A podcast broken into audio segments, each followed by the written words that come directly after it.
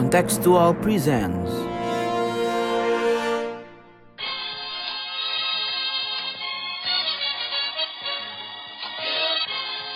sondern wir schaffen uns unseren Staat. Mr. Gorbachev, open this gate. Together, we will make America great again. Sudah cukup bagi kita untuk mengatakan bahwa winter is coming. Selamat datang kembali di podcast Bebas Aktif. Halo, halo para pendengar. Yo, Yes, yes. Kali ini bakal ditemenin sama gua, Raffi, dan ada Ikhlas juga. Halo, Kelas. halo, halo, Aman ya, aman? aman, aman, Aman. terkendali. Luar biasa. Terus ada juga ada Mas Sofwan di sini. Apa kabar Mas Sofwan? Halo, baik-baik. Ya, aman juga. Nah, ini seperti yang mau kita obrolin nih soal aman-aman. Iya, iya, iya. Ada ada suatu negara di Timur Tengah yang lagi sangat tidak aman kayaknya. Timur Tengah lagi ya kita bakal bahas hari ini. Nah, itu sebenarnya contested juga apakah kawasan ini masuk Timur Tengah atau enggak. Yes, Ya, yes. Timur Tengah, Asia Tengah, atau Asia Selatan gitu. Jadi kita bertiga di episode kali ini bakal ngebahas topik yang udah kita hold lumayan lama ya, karena perkembangannya lumayan cepet dan terus berganti terus beritanya tiap hari. Jadi kita bakal bahas tentang Afghanistan, karena ada perkembangan baru yang menurut kita ini menarik juga ya, karena gue baru baca juga berita kalau salah satu pejabat di Afghanistan itu terbunuh waktu sholat Jumat kemarin. Nah, ini diduga dilakukan oleh Taliban pembunuhan ini. Dan juga ada perkembangan terakhir baru beberapa jam yang lalu kalau nggak salah ya. Gue baca di Al Jazeera itu ada uh, Taliban udah mulai menduduki kota Zaranj, itu ibu kota di provinsi Nimruz, salah satu kota penting di Afghanistan. Dan semua ini kejadian dalam kondisi uh, kekuatan militer Amerika Serikat di sana itu sedang dalam tahap akhir penarikan mundur. Jadi kira-kira udah 95% ditarik mundur sama Amerika dari Afghanistan. Nah, ini akan jadi diskusi yang menarik. Eh, Kita bertiga akan membicarakan hal tersebut. Tapi sebelumnya, gue mau promosi dulu. Buat teman-teman yang suka banget sama isu-isu HI, boleh follow podcast ini, Podcast Bebas Aktif di Spotify dan platform podcast lainnya. Juga jangan lupa follow sosial media kita di @kontekstualcom di Instagram dan Twitter. YouTube kita juga udah aktif lagi di Kontekstual. Dan kalau nggak mau ketinggalan berita kayak gini, eh, tentang Taliban, tentang Afghanistan, dan lain-lain, boleh kunjungi website kita di kontekstual.com. Oke, kalau gitu gue mau mulai dengan pertanyaan yang simpel dulu. Tadi gue udah bilang Taliban mulai bergerak menguasai wilayah-wilayah penting di Afghanistan, dan di saat yang bersamaan militer AS juga ditarik pulang mundur. Eh, kenapa bisa kayak gini kondisinya, kelas? Oke, jadi eh, sebenarnya kan ya peristiwa yang banyak di berita baru-baru itu memiliki sejarah yang panjang. Jadi sebenarnya kalau kita tarik kan yang pasti ada keterlibatan Amerika ya. Kalau kita tarik keterlibatan Amerika ya mungkin kita bisa tarik sampai 2001. Tapi kalau mau ditarik lebih jauh lagi, ya sebenarnya Afghanistan atau ya perang perang di Afghanistan ini sudah berlangsung sejak lama gitu kan. Kalau dulu kita tahu ada eh, invasi Uni Soviet ke Afghanistan pada tahun 1980-an. Sampai ya menjelang keruntuhan Uni Soviet itu Uni Soviet kemudian menarik diri dan ya Afghanistan kemudian ada di masa ketidakpastian itu yang salah satu faksi paling dominannya itu adalah Taliban. Terus habis itu ya kan berlangsung kemudian ya ke- ya, instabilitas selama berapa puluh tahun sampai kemudian eh, terjadi peristiwa yang menggemparkan dunia terutama itu adalah 9/11. Dan ketika 9/11 kemudian eh, Presiden George Bush kan pada waktu itu dia eh, mendeklarasikan war on terror terhadap salah satunya itu Taliban yang juga eh, dianggap menjadi salah satu pelaku teror gitu dan eh, mendukung teror terhadap Amerika di dunia. Nah, dengan eh, deklarasi war on terror tersebut, kemudian Amerika dan sekutu-sekutunya NATO dan beberapa eh, sekutu Amerika lainnya itu mulai kemudian mengirimkan pasukan ke Afghanistan untuk eh, menundukkan Taliban karena Taliban pada waktu itu ya adalah faksi yang paling berkuasa di eh, Afghanistan. Dan perlu diketahui juga mungkin bahwa eh, ini detail yang juga baru gue eh, ketahui gitu bahwa Afghanistan tuh ya sama mungkin kayak Indonesia yang dia negaranya yang multi etnis gitu dan kalau untuk Taliban sendiri itu sebenarnya dia didominasi oleh eh, suku dari Pashtun gitu atau yang paling mayoritas saja di eh, Afghanistan. Kemudian ya sebenarnya beberapa orang mengkomparasikan perang di Afghanistan ini seperti Vietnam keduanya gitu kan. Kalau boleh disamakan gitu beberapa orang yang suka memberi contoh karena ya perang ini berlangsung selama berpuluh-puluh tahun di Afghanistan kan kita udah mulai dari 2001 terus sekarang udah 2021 yang udah hampir 20 tahun berarti dan uh, tidak kunjung kayak dicapai gitu. Sebenarnya apa sih tujuan Amerika di sana? Apakah bisa mendirikan uh, negara Afghanistan yang stabil? Apakah bisa menghancurkan Taliban atau bisa menghapuskan teror? Ternyata Eh, nggak uh, ada jawaban pasti bagi semua tujuan awal dari Amerika datang ke situ gitu loh. Terus habis itu pemerintahan berganti kan kita udah lewat masa pemerintahan George W. Bush, terus habis itu Obama dan kemudian Trump yang semuanya tuh masih uh, ya masih ingin melanjutkan, nggak ingin melanjutkan juga sih. Ada yang katanya ingin menarik mundur atau mengurangi keterlibatan Amerika di Taliban, tapi pada akhirnya uh, peperangan di Taliban masih berlanjut selama dua dekade selanjutnya. Nah, baru kemudian di masa Presiden Biden yang baru juga terpilih di uh, tahun lalu itu kemudian benar-benar mengambil langkah untuk kemudian menarik mundur pasukan Amerika dari Afghanistan dengan efektif kayaknya mengakhiri uh, keterlibatan langsung terus paling nggak keterlibatan di darat gitu Amerika uh, di Afghanistan. Nah, pada awalnya pengen ditarik itu sekitar uh, tanggal berapa September ya, tanggal September tapi belakangan ini dipercepat lagi sampai nanti deadline penarikan uh, pasukan Amerika dari Afghanistan itu terakhir 31 Agustus dan hanya menyisakan beberapa ratus orang itu untuk sekedar mengamankan uh, kedutaan besar Amerika Serikat di Afghanistan gitu.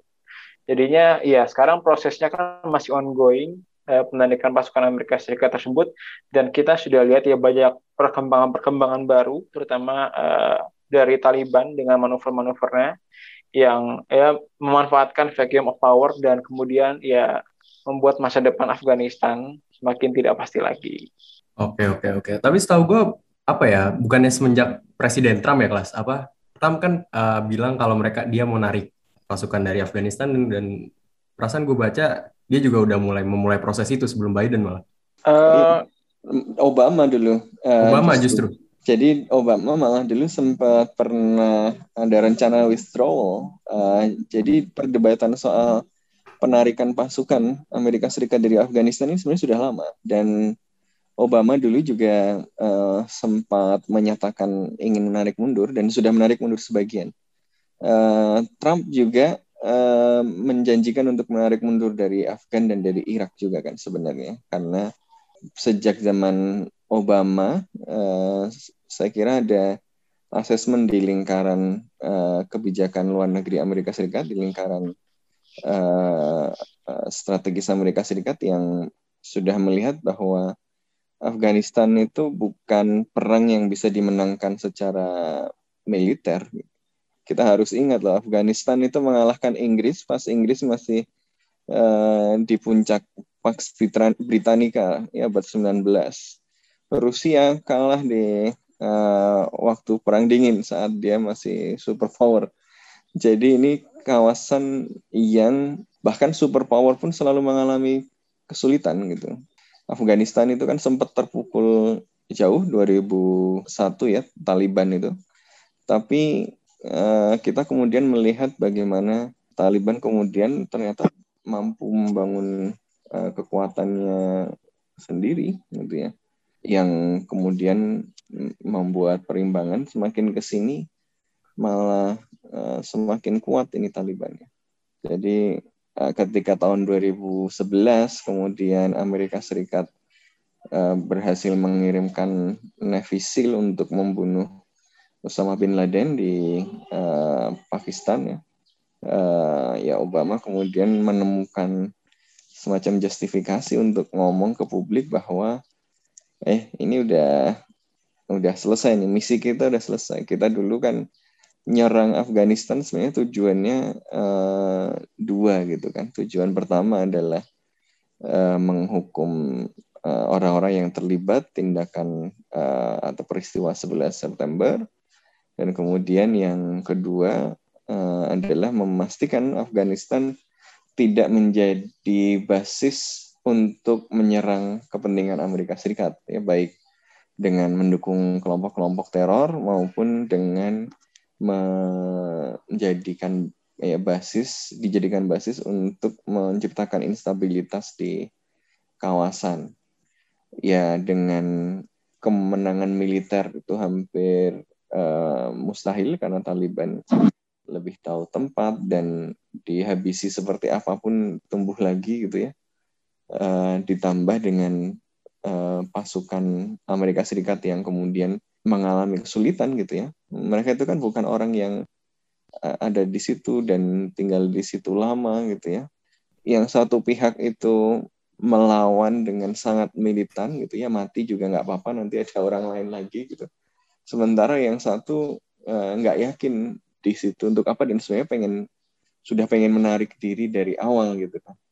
Nah, problemnya kan kemudian plan A-nya Amerika Serikat sebenarnya simpel datang ke Afghanistan, hukum, hukum Taliban, Taliban lemah, uh, Al-Qaeda berhasil dihancurkan, kemudian negara Afghanistan yang baru itu berdiri dan stabil. Dan ternyata nggak begitu, ternyata Eh, pembangunan Afghanistan setelah Amerika Serikat berhasil mengalahkan Taliban tahun 2001 ya dengan cepat ya. ketika menyerang itu uh, cepat itu tahun Desember 2001 itu Taliban bahkan menawarkan menyerah tanpa syarat jadi Desember 2001 yeah, yeah.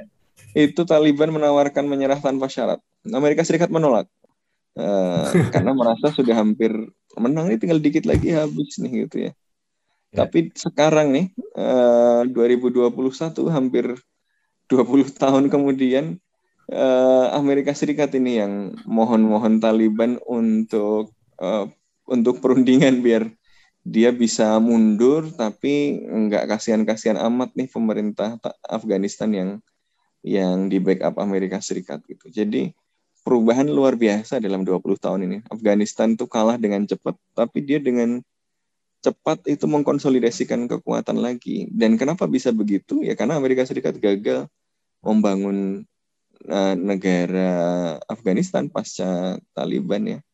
Uh, yang dia topang kemudian politisi-politisi yang notoriously korup gitu.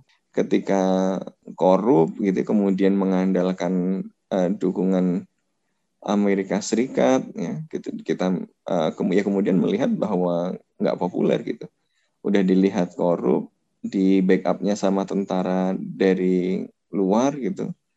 Ya orang-orang eh, apa yang kemudian tidak puas dengan itu, ya walaupun mereka banyak juga yang nggak suka Taliban misalnya, ya ya sulit membang apa mengkonsolidasikan kekuatan untuk membangun negara baru yang demokratis. Jadi pemerintah yang disokong Amerika Serikat itu tidak tumbuh sehat sesuai rencana, sementara Taliban yang tadinya sudah mohon-mohon menyerah tapi mau dihabisi ya terus akhirnya mundur ternyata malah makin lama makin kuat. Jadi semakin gagal project nation building uh, pasca Taliban di Afghanistan, semakin kuat Taliban.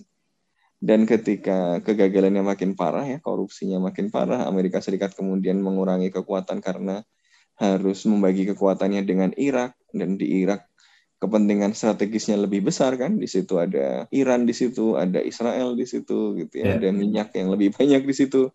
Ya lama-lama Amerika Serikat pusing nih. Waduh ini kayak masuk ke lumpur hidup gitu. Uh, hmm. masuk pengen pengen nyelup sebentar doang. Terus bangun pemerintah Afghanistan yang pro Amerika terus tinggal beres gitu. Ternyata ternyata nggak lancar. Membangun pemerintahan barunya nggak lancar, uh, korup, ya, dukungannya terbatas. Taliban yang tadinya sudah menyerah, tiba-tiba ngelihat loh, kok malah begini? Wah bisa nih kita bangun lagi. Gitu. Ya, akhirnya Taliban menggunakan kekecewaan-kekecewaan itu untuk mengkonsolidasikan kelompok-kelompok yang not necessarily tadinya satu front sama Taliban gitu. Tapi ya ya akhirnya dalam 20 tahun ini kekuatan berubah dengan cepat. Sampai ya kemudian tahun 2011 itu Amerika Serikat berhasil membunuh Osama bin Laden uh, dan Amerika Serikat menemukan momentum untuk ngomong menjustifikasi ke publik saya mundur bukan karena kalah tapi misi sudah mission accomplished. Ini sudah sudah menang kita. Karena sudah menang kita mundur gitu tapi sekutu-sekutunya di Afghanistan kan pusing. Wah, ditinggal langsung dia babat kita nanti sama Taliban gitu. Nah, ya. akhirnya tarik menarik ini yang membuat prosesnya lama. Nah, akhirnya baru baru mundur sekarang dan sekarang kondisinya sudah makin buruk karena Taliban sudah makin kuat posisinya. Oh iya, yes. ada satu lagi yang Oh, penting ya. Tahun 2020 itu ada kesepakatan uh, perjanjian antara Amerika Serikat dengan Taliban. Itu yang tanda tangan Trump. Ini Trump itu apa bukan bukan yang menandatangani adalah pemerintahan Trump gitu ya. Pada bulan Februari 2020 itu ada kesepakatan bahwa Amerika Serikat akan pergi dari Afghanistan pada tanggal 1 Mei 2021. Nah, sebagai apa uh, imbal imbal balasnya gitu ya, imbalannya Taliban uh, berjanji tidak akan berhubungan dengan kelompok teroris lagi seperti Al Qaeda dan ISIS ya dan kemudian uh, tidak melakukan kekerasan serta uh, akan bernegosiasi dengan pemerintah Afghanistan. Looks good gitu kan. Uh, Amerika Serikat bisa mundur, uh, tapi kemudian uh, Taliban juga berjanji tidak apa ya mendukung terorisme dan mau ngomong sama pemerintah Afghanistan yang sekarang. Tapi uh, kemudian ya Amerika Serikat nggak sepenuhnya percaya sama Taliban kan, akhirnya mundurnya juga uh, kesulitan pelan-pelan uh, ini gitu. Uh, akhirnya Afghanistan juga merasa lah Amerika Serikat ini jangan-jangan nggak punya kekuatan juga untuk enforce uh, apa yang ada di perjanjian itu ya malah dia push lagi uh, jadi ada kesepakatan sementara tapi uh, ya Afghanistan malah justru melihat bahwa wah Amerika Serikat ternyata nggak sekuat yang dibayangkan nih kita tekan lagi aja terus yeah, yeah. dan ya sampai terakhir itu kemarin masih menunjukkan itu masih show force show of force terus ini Taliban. Oke, okay. hmm, ini kan apa ya perangnya udah ini kan perang yang di di yang melibatkan AS yang paling panjang ya udah 20 tahun lebih gitu. Dan udah merugikan AS dan udah kepentingannya pun dari tahun 2001 saya yakin udah udah berubah Hampir banget kan. 20 tahun. Oh iya. Serangannya 2001 kan. Ya, waktu pertama waktu Biden naik pun dia pengen rencananya rencana penarikannya kelar pas perayaan 11 September itu ya, peringatan 11 September itu. Tapi gua mau Betul, betul. awal akhirnya di, di ditarik apa dimajuin ya.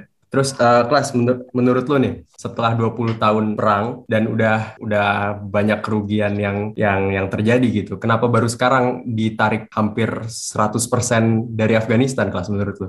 Kenapa nggak lebih dulu atau mungkin kapan-kapan lagi gitu? Emang ada ada ada kepentingan lain apa dari sisi Amerika Serikat? Oke, jadi ya mungkin ini sih karena gue juga cukup emphasize-nya tadi kayak ini uh, kebijakan yang diambil sama Presiden Biden juga kenapa ditariknya kayak sekarang gitu momentumnya 2021. Jadi kalau menurut gue yang pertama tadi emang uh, objektif dari US sendiri terutama ya dia uh, terutama yang terkait terorisme kan kayak menghukum pelaku teror terus Osama bin Laden yang juga udah terbunuh itu menjadi ya udah gak ada gitu raison d'etre buat ada di sana gitu pertama-tama kan. Tapi yang jadi concern selama ini juga uh, kayak pemerintahan Afghanistan yang stabil, terus demokrasi dan lain-lainnya itu kan yang mungkin belum terwujud dan kemudian kemudian kayak menahan presiden-presiden sebelumnya dari uh, benar-benar uh, menarik diri dari Afghanistan kan dan takutnya uh, Taliban kembali juga. Nah, tapi kalau di presiden masa presiden Biden sekarang mungkin ya kita merefer ke signature uh, foreign policy dia juga bahwa ya sekarang tuh dari Amerika adalah ya foreign policy for the middle class gitu. Jadi yang uh, interest dari middle class adalah interest dari Amerika gitu yang harus coba dimanifestasikan dalam uh, foreign policy Amerika. Nah, seberapa seberapa terwujudnya itu ya itu kan itu uh, subject of debate ya karena ya kita lihat juga nggak semuanya semua uh, policy dari foreign policy dari uh, Biden ini merepresentasikan prinsip tersebut gitu. Tapi uh, most of it kayak gitu sih kalau menurut gue. Salah satunya adalah kayak penarikan uh, pasukan Amerika Serikat dari Afghanistan ini. Ya karena yang pertama tadi ya emang perang di Afghanistan ini is no longer of America's interest gitu. Yang pertama itu dan apalagi kalau terkait dengan uh, kepentingan kayak kelas menengah itu atau the average American ini benar-benar kayak nggak ada kaitannya gitu. Kalau dulu 2001 mungkin ya karena kita uh, dulu uh, diteror langsung sama Osama bin Laden sama Al Qaeda. Tapi sekarang dengan teror itu yang udah nggak ada dan ya even if Taliban kemudian uh, apa namanya berkuasa lagi di Afghanistan, ya itu kan yang benar-benar berkaitan yang benar terdampak itu adalah Afghanistan itu kan, bukan lagi uh, orang-orang Amerikanya. Jadi uh, kayak emang pada in general jadinya kayak uh, military adventure dari Amerika di luar negeri, nggak cuma di Afghanistan, tapi juga di Suriah, uh, terus di bagi, di Timur Tengah lainnya terutama itu semakin ditarik lagi oleh uh, Presiden Biden. Dan China juga sebenarnya sudah mulai di dari presiden-presiden sebelumnya, tapi menjadi semakin resolut sekarang karena ya itu bukan lagi menjadi kepentingan Amerika yang sampai kita tuh harus mengeluarkan ya jutaan bahkan miliaran dolar dan mengorbankan nyawa-nyawa Amerika gitu. Kalau yang gue tangkap dari penjelasan lo ya berarti orientasinya politik politik dalam negeri ya dong kelas ya bukan karena gue sempat baca gitu di analisis di di mana gitu ya dan udah ada teman-teman conference juga yang nanya apakah ini bentuk pengalihan kekuatan Amerika Serikat ke wilayah yang lebih dirasa dalam tanda kutip mengancam gitu. Misalnya ke fokus ke China mungkin atau itu bukan suatu concern yang penting kelas ya kita nggak mindahin pasukan dari Afghanistan ke uh, Pasifik gitu kan tapi ya udah ditarik balik ke Amerika.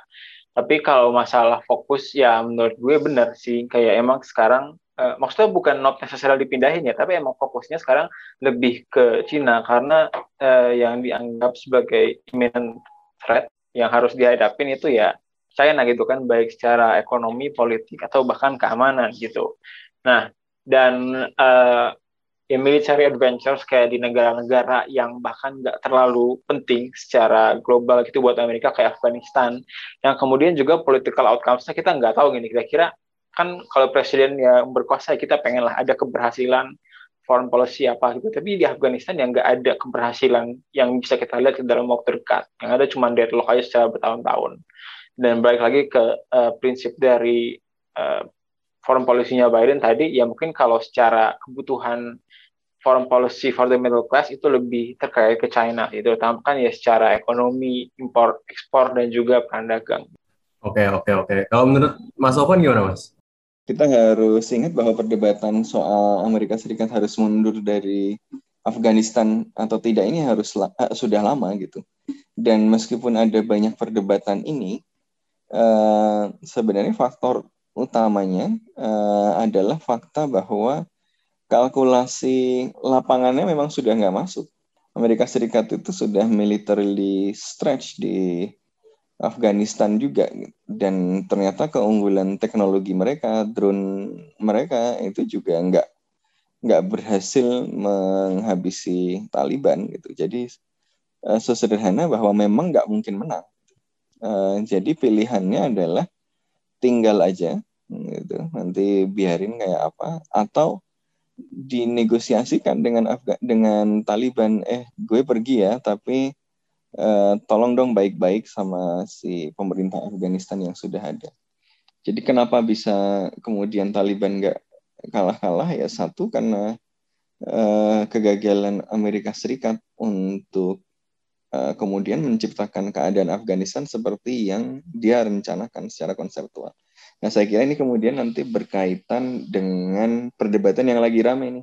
Ini ahli-ahli hubungan internasionalnya Amerika Serikat lagi ribut nih. Ada tulisannya uh, Eikenberry sama uh, Doudny uh, tentang uh, bagaimana Amerika Serikat ini sekarang sedang dikuasai oleh perspektif apa ya yang disebutnya misplaced restraint koalisi Quincy. Ini kalau teman-teman uh, iseng-iseng ke internet, cek ada yang namanya Quincy Institute. Di situ apa dalam beberapa tahun terakhir memang kemudian sangat aktif mengkritik petualangan uh, internasional Amerika Serikat gitu ya, yang kemudian dilihat uh, malah merugikan Amerika Serikat. Nah ini lagi apa ada perdebatan ramai karena uh, aktor liberalisme internasional Amerika Serikat ya, John Eikenberry sama Dodney ini mm-hmm. uh, mengkritik koalisi Quincy ini. Nah ini uh, intinya kan sebenarnya kalau kita lihat uh, diskusi ini, lib, internasionalisme liberal itu kan percaya kalau mau dunia uh, lebih baik, ya Amerika Serikat harus mendorong uh, penerapan nilai-nilai uh, demokrasi liberal ke seluruh dunia gitu kan. Uh, bahkan ketika orang lain itu nggak mau liberal dan nggak mau demokratis gitu. Tapi agenda liberalisme internasional ini ternyata makan banyak biaya dan tidak selalu yang sesuai yang kemudian dibayangkan gitu kan. Menjatuhkan rezim itu gampang. Ya tadi Taliban tadi diserbu langsung kalah gitu. Kabul langsung jatuh hanya dalam hitungan beberapa hari gitu ya. Tapi Taliban terusir ke pinggir-pinggiran itu terus nggak bisa beneran sampai beneran habis dan tentara Amerika Serikat itu tidak membayangkan akan stay di sana sekian lama. Nggak punya sumber daya. Perang itu mahal. Sekaya kayanya Amerika Serikat perang itu mahalnya bayarin orang di negara yang lain. Jadi um, faktornya karena skenario nya nggak jalan. Faktornya karena Afghanistan ternyata bukan kertas kosong yang bisa digambari apa saja. Di situ sudah banyak gambar. Amerika Serikat menghapus Taliban, mau gambar di situ nggak bisa sesuka hatinya aja gitu. Ada ada banyak orang lain yang mau gambar, ada banyak gambar lain yang membuat Amerika Serikat ngapus gambar, ngapus gambar, ngapus gambar terus gitu ya, sampai capek sendiri. Tapi pas mau mundur lah Talibannya malah tambah kuat. Jadi satu adalah ya, dinamika yang ada di Afghanistan itu sendiri yang ternyata di luar kendali Amerika Serikat. Kedua, saya kira tadi ada pergeseran dinamika gitu ya di Amerika Serikat sendiri karena Amerika Serikat itu stuck di Irak kemudian stuck di Afghanistan sekian lama ya akademisi-akademisi yang mengkampanyekan strategic restraint ya lebih di atas angin dong gitu karena janji liberal internationalism nggak jadi-jadi nih tuh katanya demokratisasi bikin dunia lebih aman itu Afghanistan nggak selesai-selesai. Irak nggak selesai-selesai gitu. Ya kan kalau lihat keadaan begitu gitu Anda di Washington mau jadi presiden kira-kira yang Anda dengar siapa? Maka perspektif yang lebih dominan ya tentu yang lebih apa ya mendorong Amerika Serikat tidak harus menyadari kapasitasnya. Dia itu bukan yang bisa meng mengubah dunia walaupun dia ingin gitu ya.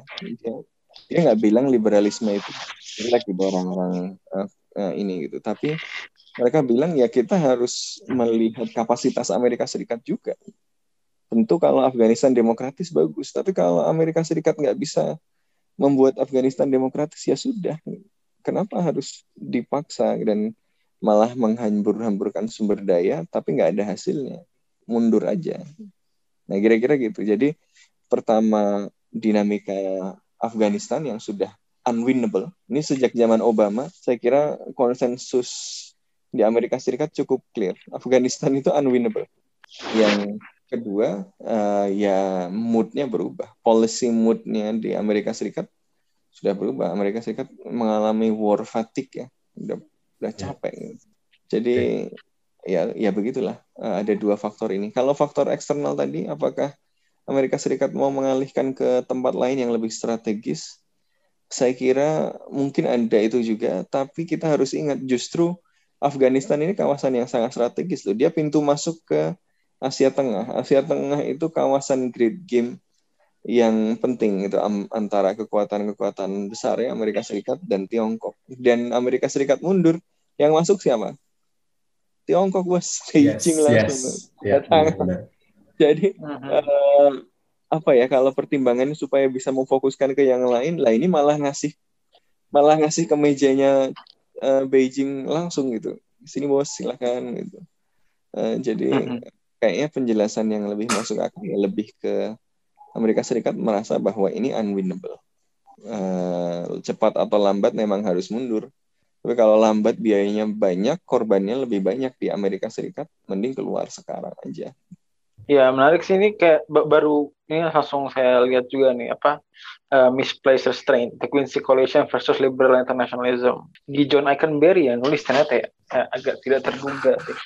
Uh, berarti sebenarnya gimana ya? Ultimately pada akhirnya penarikan pasukan ini it's a good thing, right? Kayak walaupun at the, at the expense kalau karena Amerika tarik pasukan, Taliban jadi menguasai menguasai Afghanistan gitu. It's a good thing yeah. ya berarti kalau kalau baik atau buruk kan ya balik lagi kayak perspektif apa yang kita pakai gitu kan. Kalau uh, ya maksudnya kalau kita lihat uh, foreign policy orientationnya Biden sekarang ya ini baik gitu loh karena dianggap ya ini tadi kayak emang ini unwinnable dan ini bukan lagi kayak uh, of America's interest dan ada uh, apa namanya ada masalah-masalah lain yang perlu kita hadap hadapin secara lebih urgent untuk juga kita alokasiin ulang sumber daya manusia, sumber daya uang kita gitu. Tapi kalau yang dilihat dari perspektif liberal internationalism tadi misalnya yang kita harus ya ide-ide of democracy harus diperjuangkan gitu bahkan kalau boleh dengan perang. Meskipun agak agak ini ya, maksudnya itu agak jauh kalau menurut saya pribadi kalau buat eh, dialokasiin ke eh, dialokasiin dikaitkan dengan liberal internationalism mungkin lebih kalau yang idea spreading of democracy through war itu kan mungkin ada unsur neokonservatismnya gitu kan. Tapi uh, intinya tergantung kita ngeliatnya dari perspektif apa gitu sih. Tapi kalau, kalau gue pribadi gue pribadi sebenarnya ya ini is a good thing. Kalau, kalau dari perspektif, perspektif rakyat Afghanistan gitu mereka tuh mau nah, apa sih sebenarnya nah itu poinnya yang saya kira sangat penting ya kadang-kadang uh -huh. kita melihat perdebatan uh, policy atau perdebatan HI ini ya dari perspektif uh, penasehat-penasehat kebijakan luar negeri Amerika Serikat kan? restrain atau uh, perjuangkan demokrasi perjuangkan ini Waduh.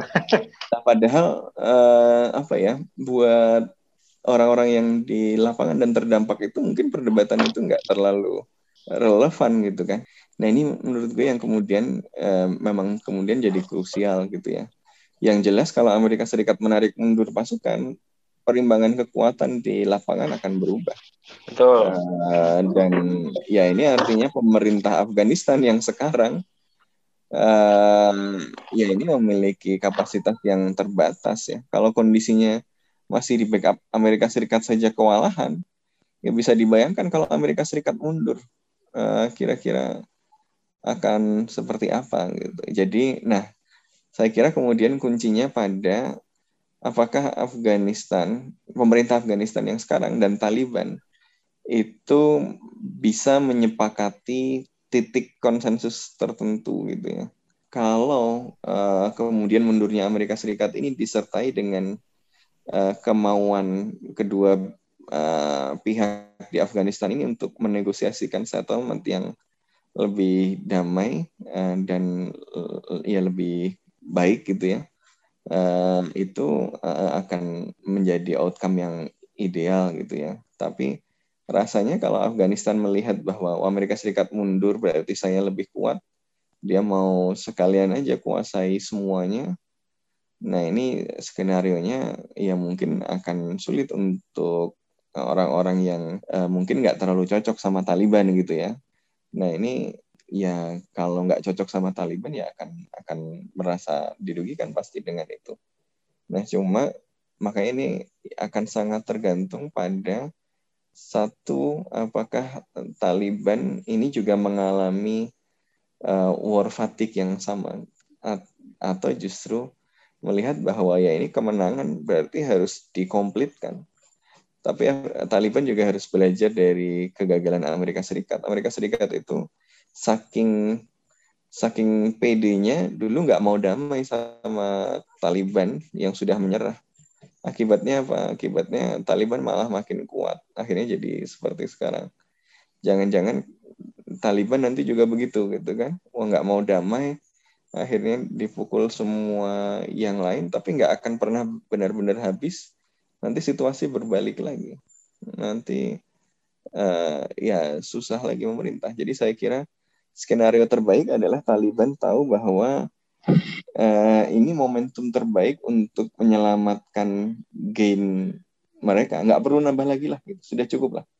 Uh, terus dinegosiasikan bareng dengan pemerintah Afghanistan yang sekarang.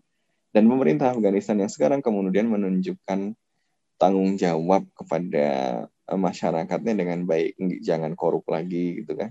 Sehingga mereka punya alternatif yang lebih baik gitu. Maksudnya sekarang milihnya Taliban gitu yang banyak orang juga nggak cocok atau Amerika Serikat atau pemerintah Afgan yang korup.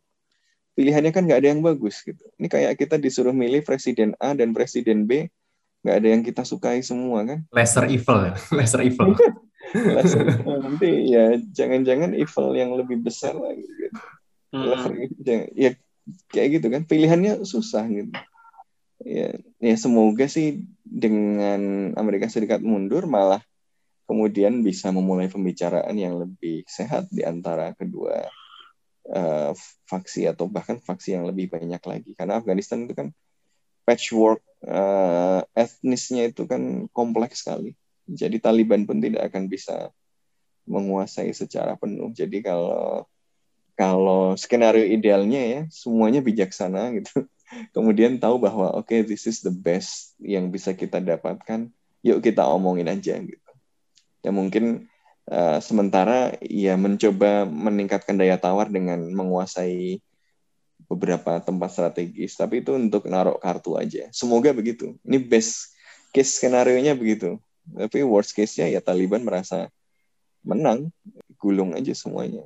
Oke okay, oke. okay tadi kita udah ngomongin juga tentang war fatigue kalau Amerika kayak udah nggak punya harapan untuk menang lawan Taliban gitu ya. Tapi kita belum membahas sebenarnya siapa sih itu Taliban kenapa kenapa bisa kuat banget sampai-sampai Amerika harus mundur gitu. Mundurnya sambil kecapean lagi gitu kan. Siapa Taliban itu siapa, kepentingan dia apa, dan di mana dia berbeda dengan pemerintah Afghanistan yang yang legit gitu. Di mana mereka berbeda dan di mana mereka sama kelas. Oke, jadi jauh yang gue tahu kayak yang gue sempet singgung tadi di awal ya Taliban itu adalah kelompok bersenjata gitu ya. I don't kalau uh, di Barat mungkin manggilnya jihadis atau ini, tapi ya dia merupakan kelompok militan yang sempat berkuasa juga di Afghanistan dan asalnya juga udah dari lama dari dari zaman uh, invasi Uni Soviet tuh Taliban udah eksis dan kayak secara aktif non Uni Soviet juga dan mereka mayoritas terdiri dari uh, suku yang dominan di Afghanistan itu suku Pashtun. Dan sebagai militan ya kan ada banyak juga ada yang kayak militan yang sekedar dia pengen berkuasa atau militan yang berbasis suku atau militan yang uh, berbasis hal-hal lainnya. Kalau Taliban ini sendiri ya dia lebih ke ya memiliki pemahaman atas Islam yang uh, keras gitu yang uh, cukup hardline kayak ya dia kalau uh, dibandingkan dengan kondisi di Indonesia sekarang jadi dia masih sangat melarang adanya pendidikan buat perempuan terus masih uh, menegakkan apa ya hukum yang kayak uh, potong tangan terus menggalan dan lain-lainnya sehingga ya dianggap sebagai salah satu bagian dari uh, Islam yang ekstrim selain dari dia sendiri yang juga terlibat dalam kegiatan kegiatan teror gitu dan uh, ya pokoknya dia selalu menjadi salah satu kekuatan yang uh, signifikan di Afghanistan dari dulu zaman invasi Soviet sampai sekarang keterlibatan Amerika di Afghanistan. Ya, nambahin uh, konteks sedikit ya. Uh, jadi Afghanistan ini kan tahun 90-an uh, chaotic karena Soviet kan mundur gitu ya. Soviet mundur, uh, ya kemudian terjadi persaingan antar warlords ya, antar eh, kelompok-kelompok uh, perang yang basisnya suku, ada kelompok-kelompok mujahidin juga gitu ya, yang uh, kemudian deng dengan kondisi yang demikian ya, uh, kemudian Taliban muncul dan Taliban muncul dan sangat berbeda dengan yang lain gitu karena appeal-nya tidak tidak berdasarkan faksionalisasi yang ada pada saat itu, tetapi uh, pada apa ya satu identitas religius yang kuat. Dulu awal-awal uh, yang pada capek dengan konflik di antara warlords uh, Afghanistan itu, ya akhirnya mendukung Taliban. Apalagi Taliban dulu uh, kemudian membuktikan dia bisa menciptakan pemerintahan yang lebih bersih. Dia tuh nggak korup ya yang yang kemudian apa membuat dia awalnya populer sampai menguasai lebih dari 90% Afghanistan. Uh, dia nggak korup, rigid gitu ya. Tapi problemnya adalah gitu, dia nggak korup, tapi pada saat yang bersamaan sangat strict. Jadi nggak korup, tapi juga jadi mengganggu cara keberagamaan orang lain karena nggak semuanya share uh, pandangan keberagamaannya Taliban kan. Uh, jadi kalau dilihat nih dia populer karena dia berhasil memberantas korupsi ya kemudian berhasil mengatasi uh, apa chaos ya anarki uh, atau lawlessness gitu karena uh, persaingan uh, antar warlords tadi. Sehingga apa? Sehingga jalan-jalan yang tadinya nggak aman gitu logistik yang tadinya nggak aman karena ada rebutan antar warlords itu kemudian bisa dikendalikan oleh Taliban gitu karena ya karena dia kemudian bisa enforce kekuatan dia di situ. Tapi pada saat yang bersamaan ya kekuatannya itu membuat situasi lebih stabil, tetapi pada saat yang bersamaan ya dia memperkenalkan aturan-aturan hukum yang strict ya. Ya nggak semua orang sepakat ya. Orang Afghanistan itu secara umum religius ya. Bahkan kemarin lihat beritanya kan ketika Taliban menyerang kota gitu, uh, penduduknya pun melawan Talibannya juga dengan takbir.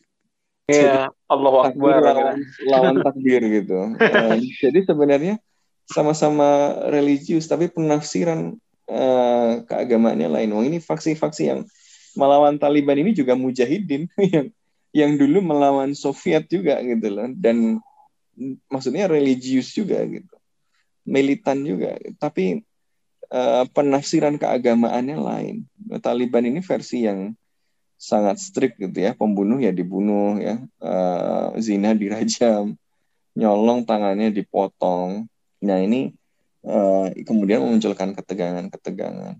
Uh, jadi kalau ditanya yang membedakan sama pemerintah Afghanistan apa? Satu, dia punya pemahaman agama yang lebih strict. Tapi uh, pada saat yang bersamaan ya dia memiliki karena karena pengikatnya adalah ideologi eh, dia solid dan kuat sehingga dia bisa mengatasi kekuatan-kekuatan yang lain. Nggak ribut soal rebutan porsi jabatan. Ya kalau yang lain faksi-faksi yang lain yang kemudian nanti membentuk pemerintahan Afghanistan hari ini karena pengikatnya bukan satu ideologi yang sama ya akhirnya ada rebut-rebutan jatah juga. Jadi ada ada problem-problem korupsi dan seterusnya.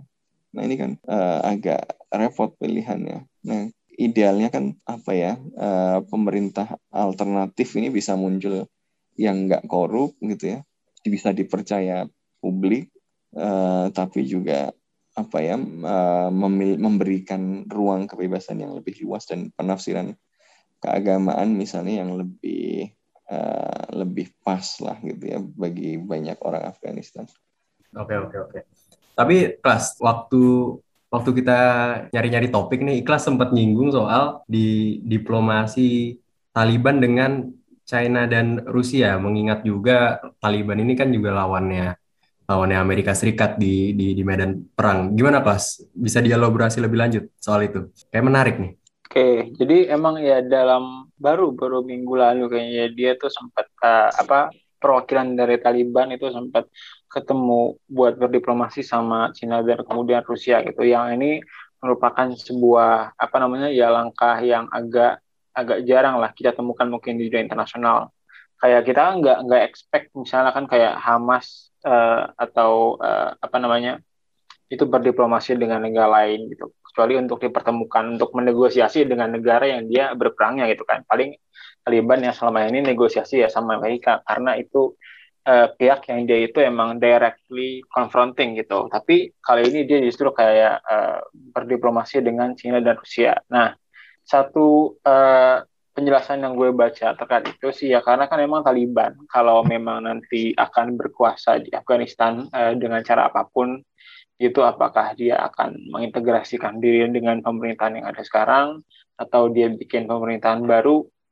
Uh, tapi yang pasti dia juga butuh uh, ya semacam teman di dunia internasional gitu kan karena ya itu adalah resep dari negara itu negara yang sukses. Mungkin dari dulu kita di diadu di apa uh, kasih tahu di PKN dulu gitu kan.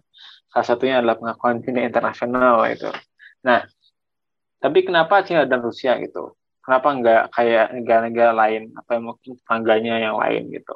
Yang pertama sih kalau menurut gue yang ya pertama uh, dari Cina dan Rusia yang attitude-nya selama ini mungkin uh, kontras gitu dari Amerika Serikat yang dia itu ya kayak nyambung sama liberal internationalism tadi ya. Preaching demokrasi terus human rights dan hal-hal lainnya gitu yang secara langsung kontra dengan Taliban dan dia nggak pengen kalau misalnya pemerintahan yang ada tuh dikuasai oleh Taliban ya karena tadi Taliban itu tidak apa uh, menerapkan kayak ajaran Islam yang sangat ketat itu yang dianggap berlawanan dengan HAM, terus juga tidak demokratis dan ya tidak menjamin hak sipil politik dan lain-lainnya. Tapi kalau kemudian ya kita berurusan sama China, kita berurusan sama Rusia itu ya uh, coraknya nggak seperti orang yang terlalu banyak pengen uh, meddling atau ikut campur di politik domestik kita gitu loh, nggak ngatur kalau apakah negara kita harus demokratis kah apakah negara kita harus menghormati HAM atau eh, hal-hal lainnya. Tapi lebih kayak ya udah kira-kira uh, kok apa namanya kerjasama strategis atau hubungan apa yang bisa kita bangun gitu yang emang saya menguntungkan dalam apa ya in terus maksudnya kayak ya udah dalam terms uh, uang kah atau dalam terms perdagangan aja gitu yang emang gak berkaitan sama kepentingan politik domestik masing-masing yang bisa diurus uh, antara kedua negara gitu.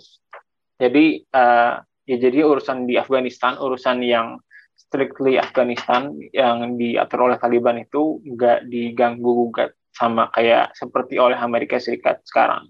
Oke oke. oke. Yang menurut saya ada faktor ya. lain juga sih. Kita harus gini. Kayaknya penting untuk tidak melihat Taliban ini sebagai entitas yang sudah pasti kayak gitu dari sononya begitu dan akan terus begitu juga gitu. Justru uh, menurut gue bagaimana dia kemudian mau apa menunjukkan intensi berinteraksi dengan Cina dan dengan kemudian dengan Rusia dengan lebih uh, terbuka ini menunjukkan sebenarnya bahwa Taliban itu juga belajar dan mengalami proses sosialisasi. Gitu. Kenapa Taliban strict? Barangkali juga kita harus pahami tidak dalam kerangka esensialis. Kalau Taliban pasti strict. Gitu kita harus memahami konteks ketika dia muncul gitu. Ketika dia muncul ya Afghanistan dijajah oleh kekuatan asing. Kemudian setelah kekuatan asingnya pergi eh, orang-orang malah pada rebutan jabatan. Ya orang capek, orang capek terkonsolid kemudian ada konsolidasi ideologi yang menawarkan kepastian, uh, ukuran-ukuran uh, yang jelas dan seterusnya ya pasti menarik gitu loh. Tapi ketika kemudian disikapi bahwa Taliban itu pasti begitu, kemudian harus dihajar, ya dia malah justru melawan dan ketika kemudian proyek menunjukkan alternatifnya gagal karena ternyata proyek negara yang dibangun oleh Amerika Serikat pasca Taliban kalah tahun 2001 ternyata tidak berhasil, ya orang malah justru semakin tertarik apalagi orang kemudian mengasosiasikan pemerintahan ini dengan uh, korup dan dengan uh, dukungan Amerika Serikat. Gitu.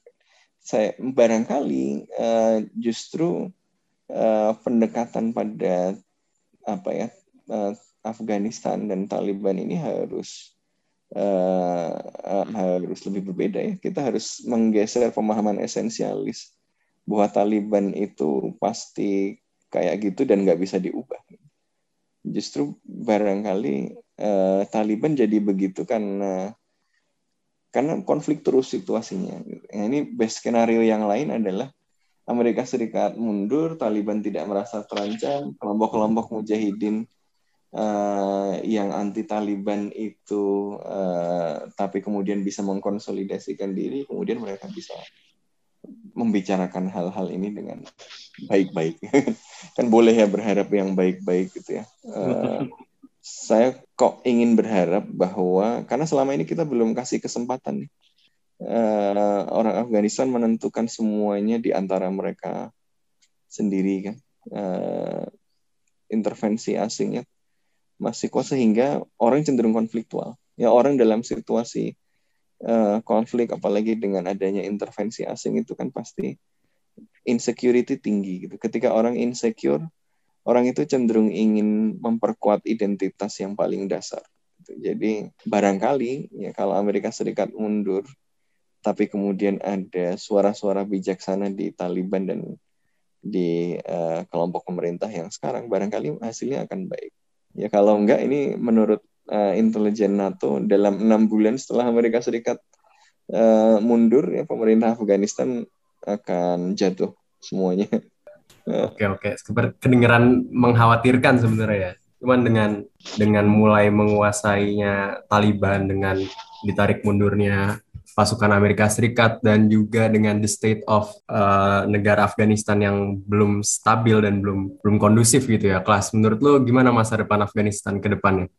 Oke, uh, kalau menurut gue sih ya mungkin ada beberapa faktor yang belum disebut juga yang pengen gue tekenin meskipun kayak Amerika uh, menarik diri gitu kayak secara darat main gue bilang tuh secara ground operation. Maksudnya kayak ya udah nggak ada lagi uh, ribuan tentara atau uh, apa namanya tank ataupun kendaraan-kendaraan militer lainnya dari Amerika Serikat di darat gitu kecuali beberapa ratus doang untuk menjaga kedutaan besar Amerika Serikat kayak masih akan memberikan support secara uang dan bahkan katanya military support terutama yang kayak air support dan uh, logistik gitu terhadap uh, pemerintahan Afghanistan yang sekarang gitu yang dibawa Presiden Ashraf Ghani. Jadi uh, bisa dilihat juga ya kalau Amerika Serikat nggak nggak lepas tangan uh, semuanya gitu loh kayak orang baru putus kan nggak nggak gitu gitu uh, tapi uh, tapi ya jadi masih ada keterlibatan Amerika Serikat uh, dalam mendukung pemerintahan Afghanistan sekarang itu karena itu yang di favor oleh mereka.